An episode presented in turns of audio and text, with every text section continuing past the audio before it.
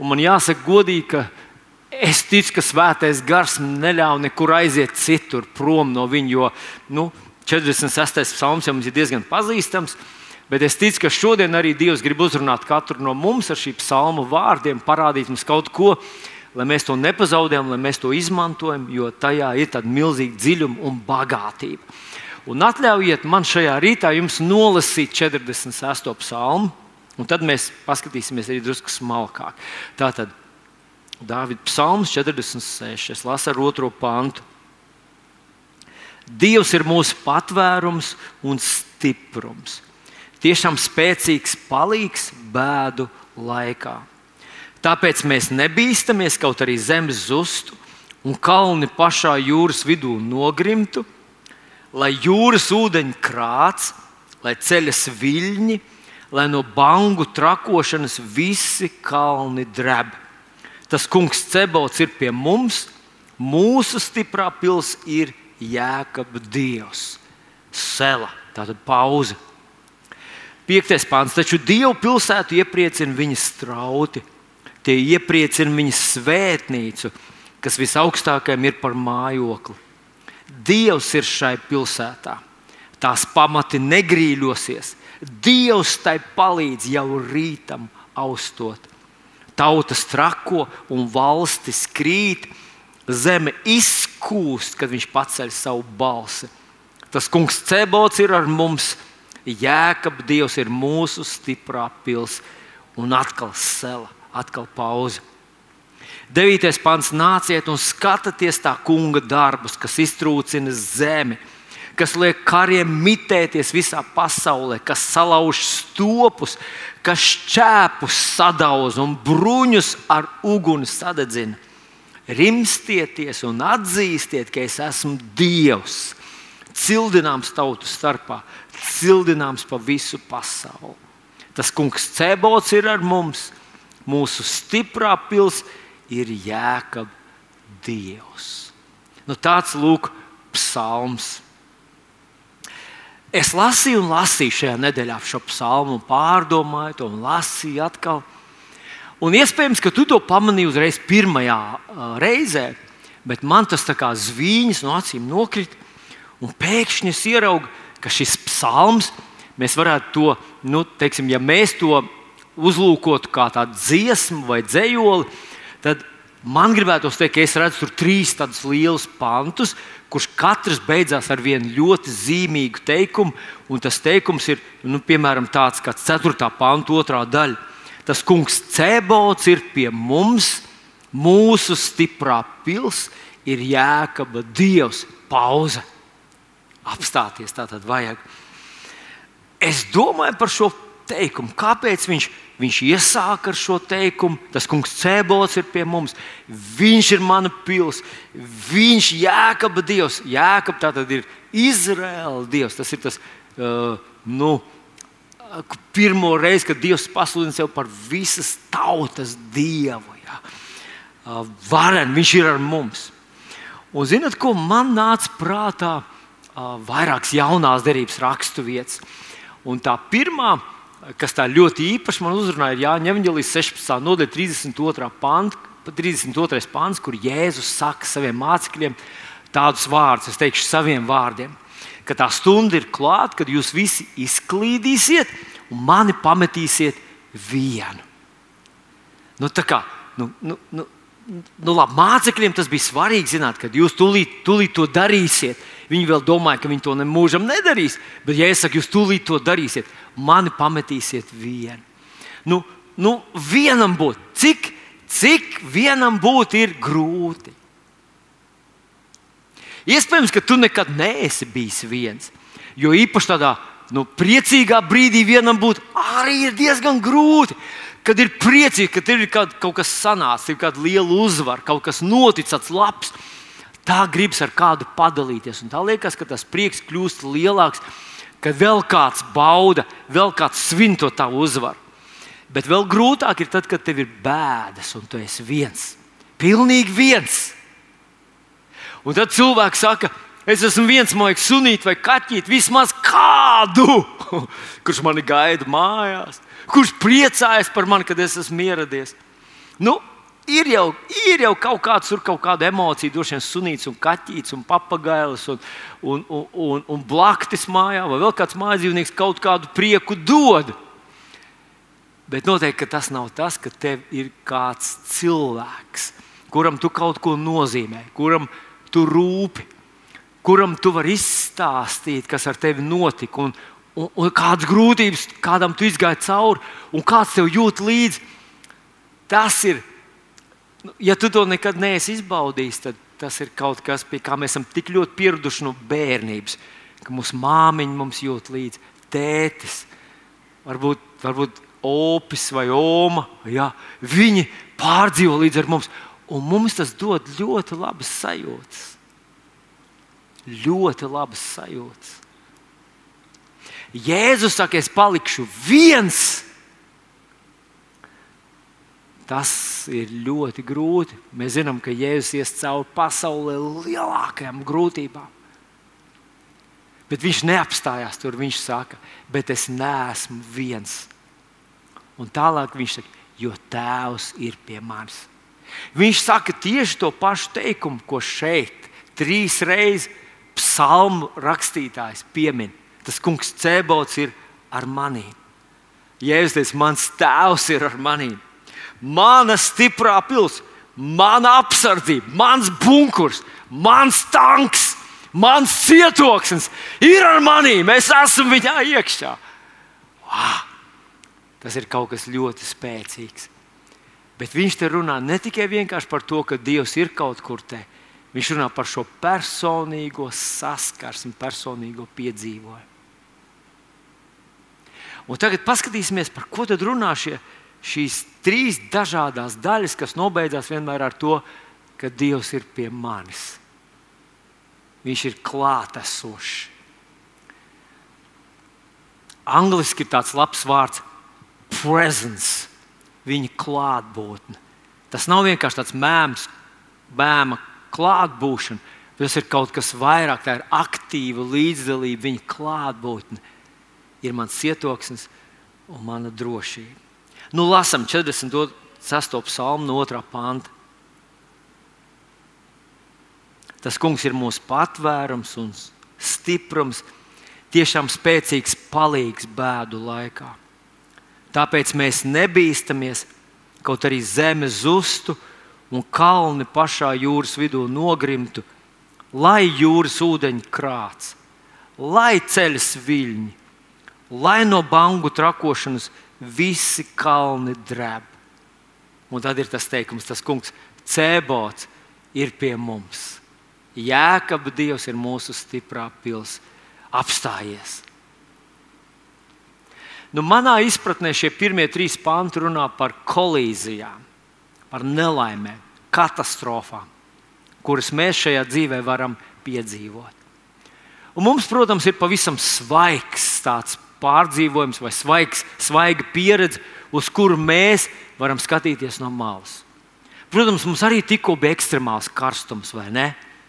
Un tomēr, tad, kad viņš aizies, es tā pieņemu, es tā pieņemu, ka viens otrs teiks, tomēr bija savs labums tajā karstajā dienā tu varētu droši doties uz jūru, un kāds arī nebūtu tas ūdens, vienalga tas karstumiņš to nu, nokompensē, to augstumu varbūt.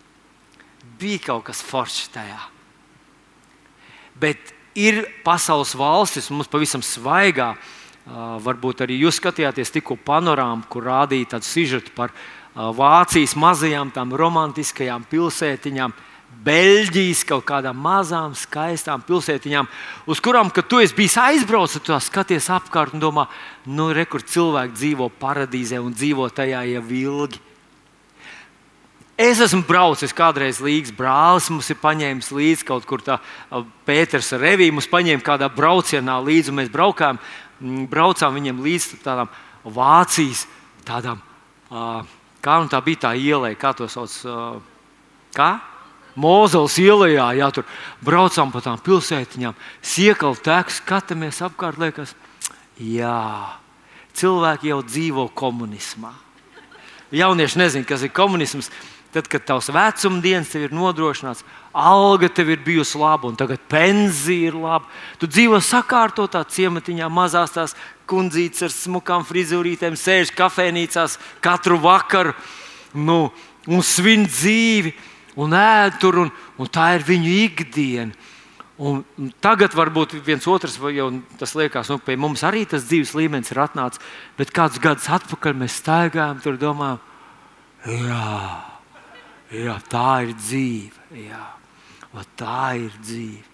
Un tagad mēs vakar klausījāmies, ka cilvēki šajās romantiskajās, skaistajās pilsētiņās saka, mēs te vairs negribam dzīvot. Tā situācija tur ir notikusi, un viņi to raksturo tādu pati kā pēc otrā pasaules kara. Plūdi no nekurienes pēkšņi sagrāva visu to brīnišķīgo, sakārtoto, harmonisko infrastruktūru, nogalināja cilvēkus, izpostīja mašīnas, izpostīja veikals, uzņēmumus, mājas. Un cilvēki ir tik ļoti vīlušies, ka saka, mums jābrauc kaut kur dzīvot drošākā vidē. Un es domāju, kur mūsu ārlietu ministrs uzaicināt vāciešus, lūdzu, brauciet. Mums ir tik daudz mm, pilsētas, kuros maz iedzīvotāji visi ir aizmukuši prom. Brauciet atpakaļ uz drošo, harmonisko pasaules nostūri, kurš saucās Latvija. Jā, es tikai negribu novērst jūsu domas, bet Ecvais ne tikai mūs bija iemīlējis, viņš bija iemīlējis Latviju. Un vairākas reizes mums bija ar viņu tāda saruna. Es jautāju, nu, kur ir tā zeme, kur tu izvēlētos, ja tu nevarētu dzīvot Amerikā. Viņš teica, Vilni, bez domāšanas, bez jautājuma. Es brauktu uz Latviju. Vi, viņš bija apbraukājis vis, visādas pasaules valsts. Viņš bija bijis visur, kur, kur, par kur mēs varam tikai domāt. Viņš teica, ir kaut kas skaists tajā jūsu zemē, Latvijā. Mēs bez domāšanas, ja nebūtu amerikāņi, mēs būtu latvieši. Aleluja! Bet šīs pirmās, pirmie trīs pāns šajā psalmā runā par kolīzijām, par katastrofām, kas šajā pasaulē vienmēr ir bijušas, notiek šobrīd un notiks nākotnē. Kad mēs ar tevi lasām atklāsmes grāmatas, lai mūs nepieviļ, mēs stāvam durvīm, šie notikumi stāv mums durvīm priekšā. Bet ievērot, kā beidzās šis stāsts, viņš beidzās ar to, tas kungs Cēbots ir pie mums. Tas tas, ko Jēzus, kurš stāvēja priekšā ļoti grūtam savas dzīves periodam, nav latviešu valodā vārdu, kurus aprakstīt, ko Jēzus izcieta. Bet viņš teica, mans tēvs ir man blakus. Un vienīgā lūkšana, ko mēs konstatējam, kur Jēzus izmisīgi sauc uz debesīm, ne tad, kad viņš bija vētrā, ne tad, kad viņš bija izsalcis un bija 5000 nepaēdinātu cilvēku, ne tad, kad viņu gribēja nogrūst no kalna, tur pie nāceretes ciema, lai viņu nogalinātu vai viņu meklēja pieķert. Viņa izmisīgā lūkšana bija ģēdzamāns dārzā. Lūdzu, ja es varu iziet tam cauri, ka man nav jāpiedzīvo, ka tu pagriez man muguru.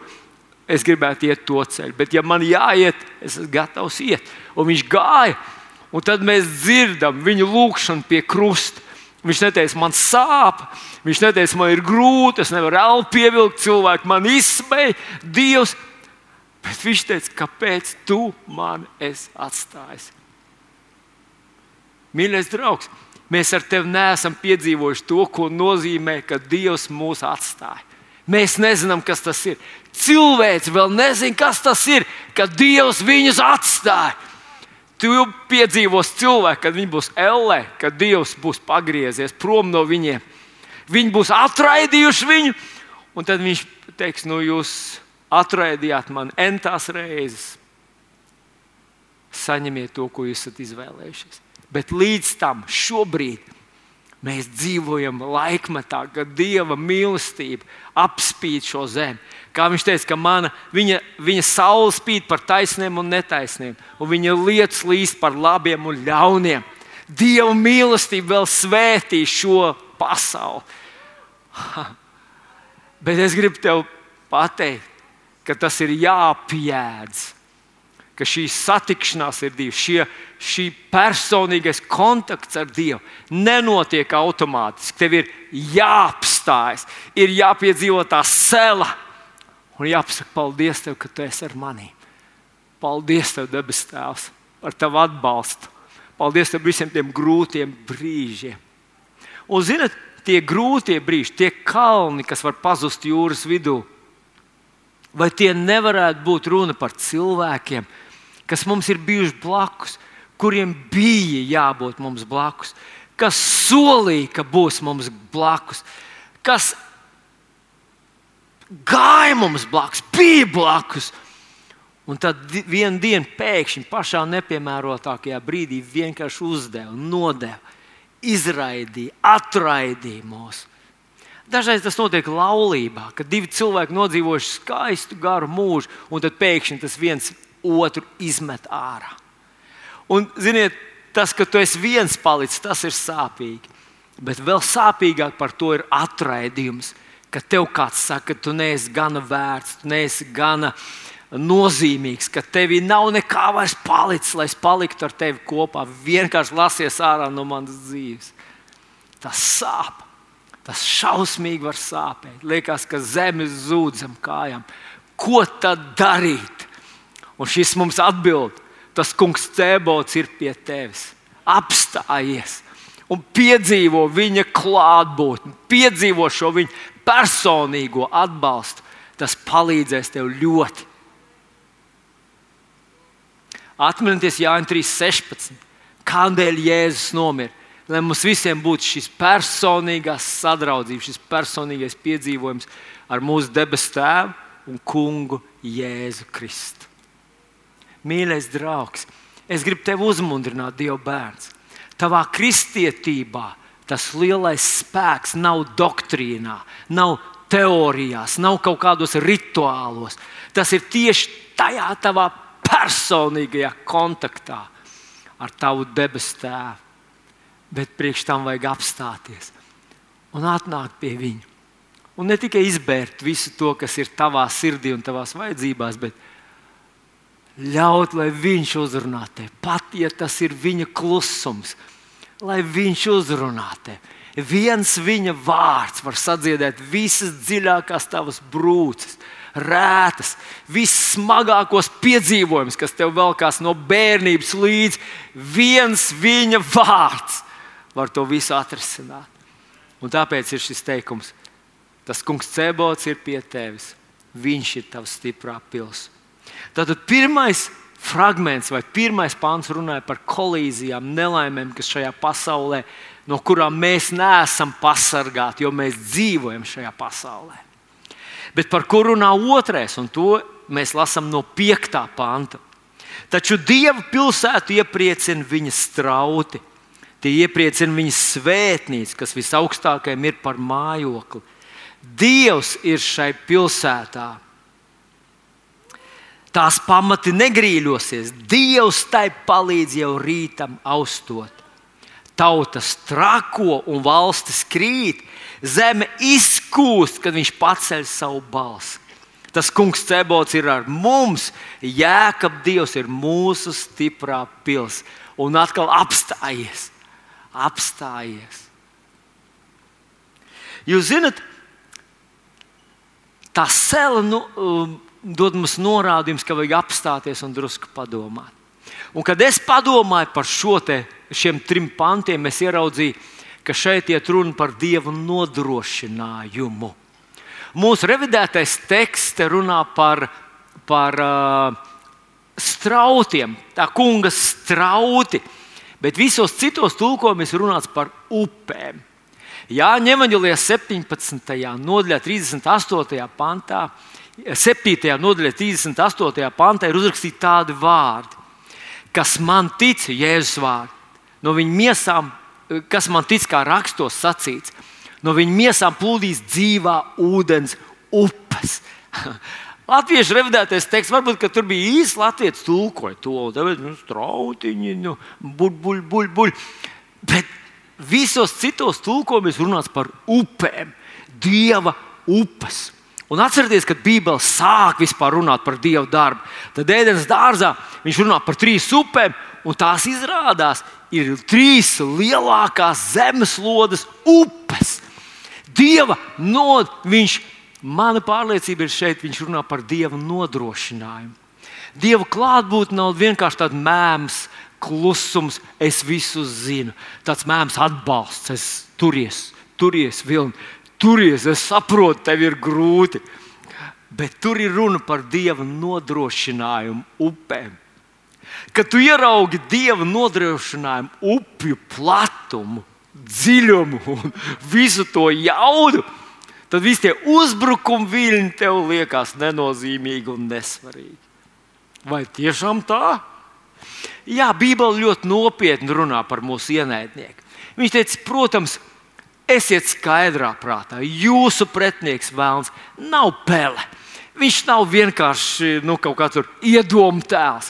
Tas ir reāls, inteliģents uzbrucējs. Bet tai pašā laikā viņš runā, es esmu jums devis dievu ieročus. Man patīk apsvērt Pāvila vārdus, Evziešu 6. nodaļā. Tad nu satveriet visus dievu ieročus. Tie nav kaut kādi uh, mākslīgais intelekts, kād, kāds kādas kompānijas radot, radīti rīki, tie ir dieva dotie ieroči, kas ir efektīvi katrā garīgā cīņā. Bet, manuprāt, šeit ir tas lielais akcents uz to, ka Dievs ar savu nodrošinājumu, ar savu mierinājumu, ar savu dziedināšanu ir tev klāt. Kad Jēzus runāja par svēto garu, viņš runā par viņu latviešu bībelītē kā par mierinātājs, aizstāvis. Grieķu vārdiņš paraklēts, ir, tur tā, tā doma ir daudz plašāka. Tur ir kāds, kas tev dod padomu, kāds, kurš tev ir blakus, tavs advokāts, kāds, kurš izies visam procesam cauri, meklēs risinājumus, palīdzēs tev, dos tev padomus. Man gribas teikt, ka visā visumā, visā visumā Vispār, da jebkas aiz visuma var būt robežām. Visā, visā, kas vispār vis kaut kur ir. Svētais gars ir numur viens mierinātājs, numur viens dziedinātājs, numur viens iepriecinātājs, numur viens padomdevējs, numur viens partners, ar kuru tu gribi iet cauri grūtam brīdim.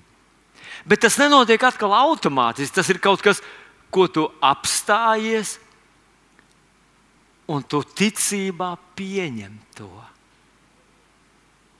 Tu ļauj viņam sev uzrunāt.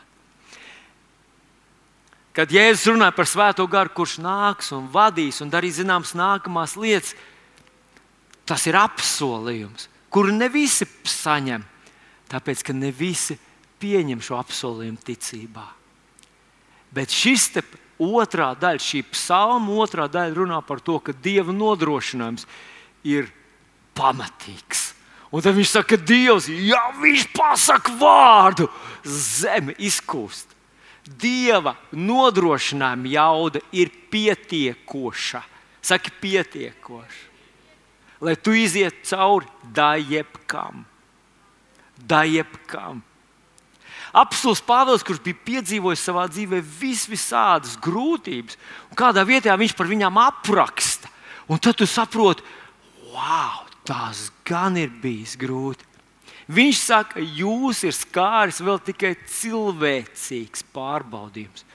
Tas, ka mēs ar tevi varam iziet cauri, vai ar ko mēs varam sastapties, ir tikai tas, ar ko mēs varam tikt galā.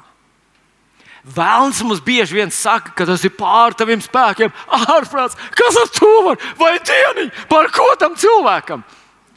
Bet Dievs saka, hei, es tev esmu ar tevi, es tev palīdzēšu, tu vari ar to tikt galā. Un tas ir tas pēdējais teikums, tas kungs Cebots ir ar tevi. Saka, tas kungs Cebots ir ar mani. Jēkab Dievs ir mana stiprā pils. Ah! Dieva nodrošinājums ir otrā lieta, par ko runā šis psalms. Bet viņš ar to vēl nebeidz. Viņš turpina, un viņš runā par, es palasīšu tālāk, no 9. panta. Nāciet un skatieties tā kunga darbus, kas iztrūcina zemi, kas liek kariem mitēties visā pasaulē, kas salauž stopus, kas šķēpus sadauza un bruņus ar uguni sadedzina. Rimstieties un atzīstiet, ka es esmu Dievs, cildināms tautu starpā, cildināms pa visu pasauli. Un tad ir atkal viņš iesāk un viņš nobeidz ar šo pašu tādu drosmīgu ticības axiomu. Tā ir axioma katram dievu bērnam. To nav jāpierod, jāpierāda. Tas ir kaut kas, kas ir iekalts debesīs, iekalts, nezinu, iekalts tavā sirdī, iekalts Dieva vārdā. Un, ja es teicu, debesis un zeme zudīs, mani vārdi nekad nezudīs. Un tā patiesība ir, tas kungs cēbots ir ar tevi. Tava stiprā pilsēta ir jēkab Dievs. Bet, zinot, es sāku domāt par to, skatoties tā kunga darbus, kas liek kariem mitēties visā pasaulē. Kariem, vai tad Dievs liek kariem mitēties? Vai tiešām mēs, mēs zinām, Sīrijā pilsoņu karš, plosījās. Afganistānā atkal Alkaēda, kā mēs zinām, atkal ieņem tās teritorijas, kur pirms tam bija amerikāņi un, un visā NATO spēki. Mēs zinām, kas notiek uh, Ukrainas tur tajās, tajās tur, nu, tajās pilsētās, Donbasā un tur, tur vēl tajā otrā, es aizmirsu. Nu, un visā pasaulē taču nemitīgi uh, kari tiek. Nu, visu laiku notiek kari, visu laiku tiek šauts, spridzināts, nāvēts, uh, tēmēts un tā tālāk. Bet zinat, ko man droši jāsaka, ka, ja tas tā ir uzrakstīts, tas tā arī ir. Bet, lai to saprastu, kādreiz drusku jāapsēžas un jāpadomā. Un, ja mēs lasām Jāņa Evanģelijā, 10. nodaļā, ka vēlns ir nācis, lai zaktu, nokautu un nomaitātu. Viņš ir zāglis, slepkava un mēlis. Viņš ir slepkava, zāglis un mēlis. Tad es iedomājos, ja vēlnam būtu brīvas rokas, otrais pasaules karš nebūtu beidzies. Viņš vienkārši turpinātos, turpinātos, turpinātos, turpinātos turpinātos asins izliešanas, vienkārši neapstātos. Un kādu laiku atpakaļ es dzirdēju, kāds amerikānis atskatījās uz augstā kara gadiem. Viņš stāstīja par kādu incidentu, kas notika turpat blakus Amerikai, Kubā, kur Krievija bija izvietojusi, vai tā laika padomu savienība bija izvietojusi kodola lādiņus. Un tad tur tika izšauts kaut kāds lādiņš, es neatceros vairs šobrīd neatceros vairs, kādā sakarā viņš tika izšauts. Un amerikāņi nezināja, vai tur ir kodola, uh, nu, tas, vai, vai tas ir ar, ar tiem atomieročiem vai nav. Un, un tad bija tāds milzīgs sasprindzinājums, vai mums ir jāatbild viņiem, vai mums ir jāšauj pretī tagad, un tā stratēģija vai tā taktika bija tāda, ka, ka tikko viņi izšaus, mēs šausim visu tā, lai tur vairs nav neviena, kam šaut. Un tad, kad tie saprot, ka šitie ir izšaus, tie izšaus, un tā vārds, ko uh, beigās iespējams, ka neviena vairs nekur nebūs. Un tad tas, tas cilvēks saka, ka tur bija, mēs bijām tik tuvu kodola katastrofai, tādai globālai pasaules līmeņa kodola katastrofai ka tas laikam ir tikai brīnums, kāpēc šis kodolkarš nesākās. Kāpēc netika izšauts pretī šāviens, un tad tie atkal, un var sakot, tas viss nebeidzās.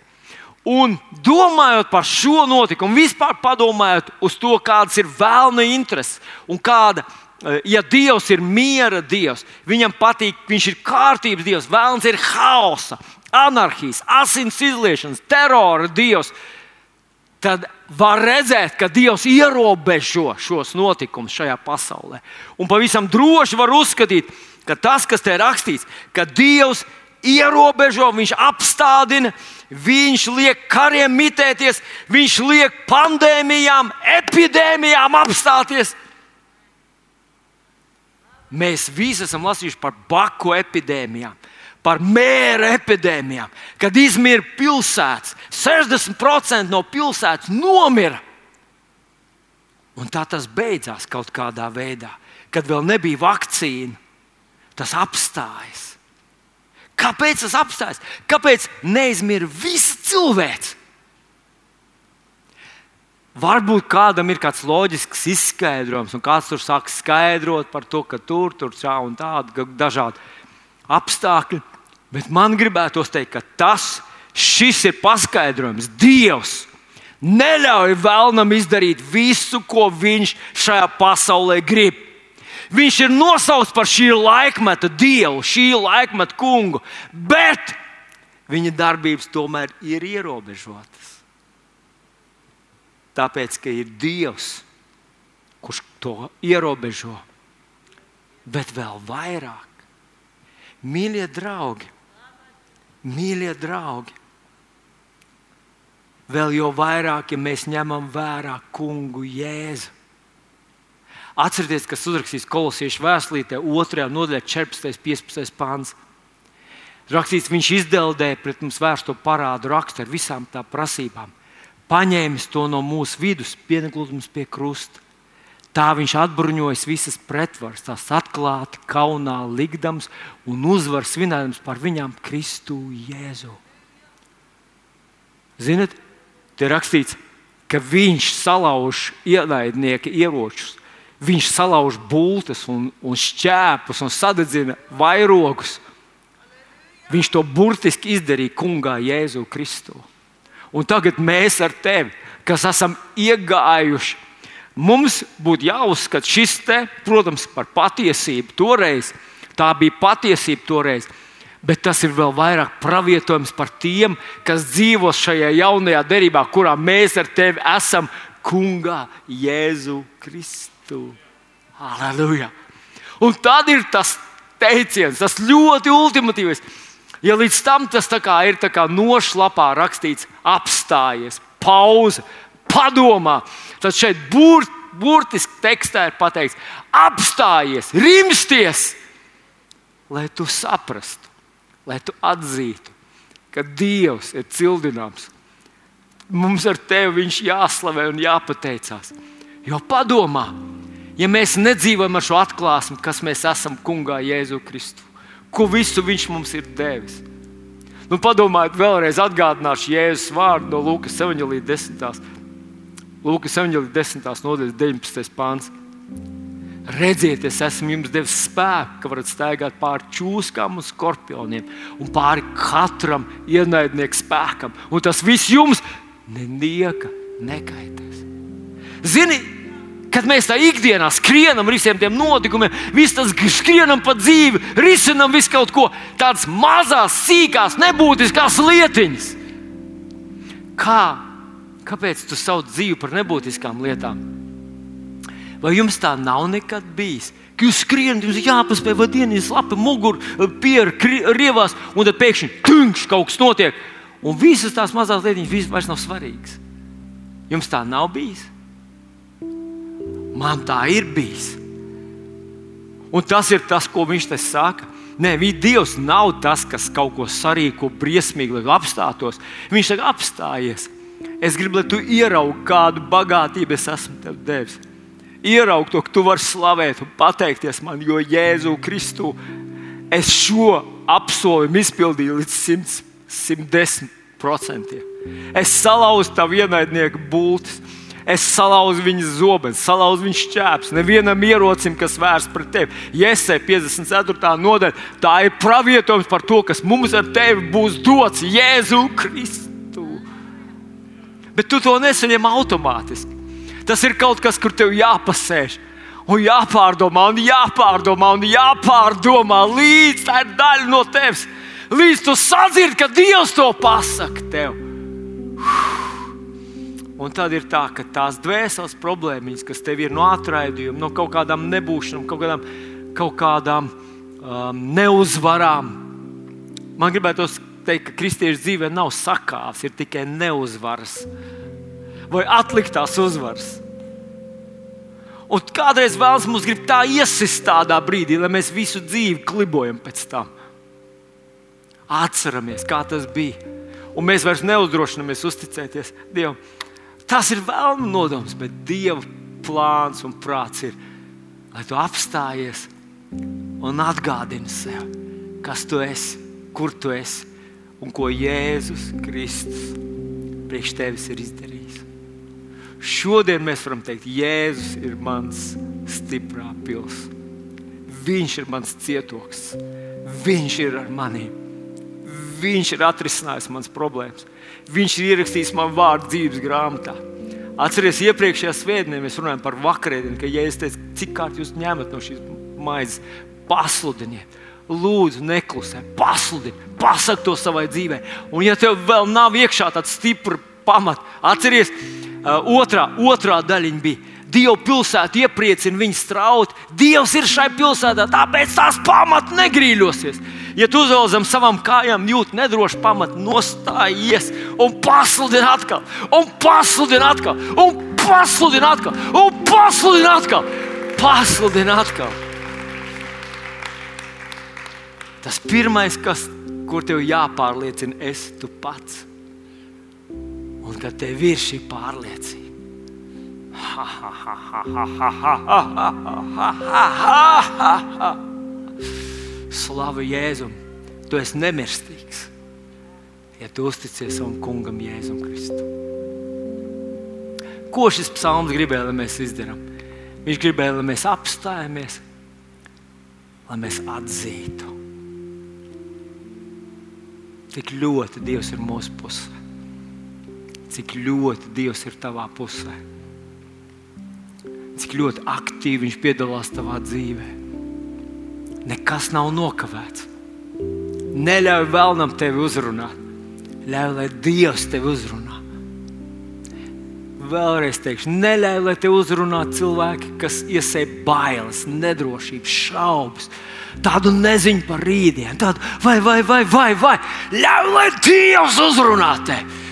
Viņa vārdi vienmēr būs iedrošinoši, nomierinoši, stiprinoši. Viņa vārdi vienmēr pavērs tavā priekšā jaunu perspektīvu. Vienalga, kāda ir tava pagātne, ar Dievu tev ir perspektīva. Bet ir jāapstājas, lai to atzītu.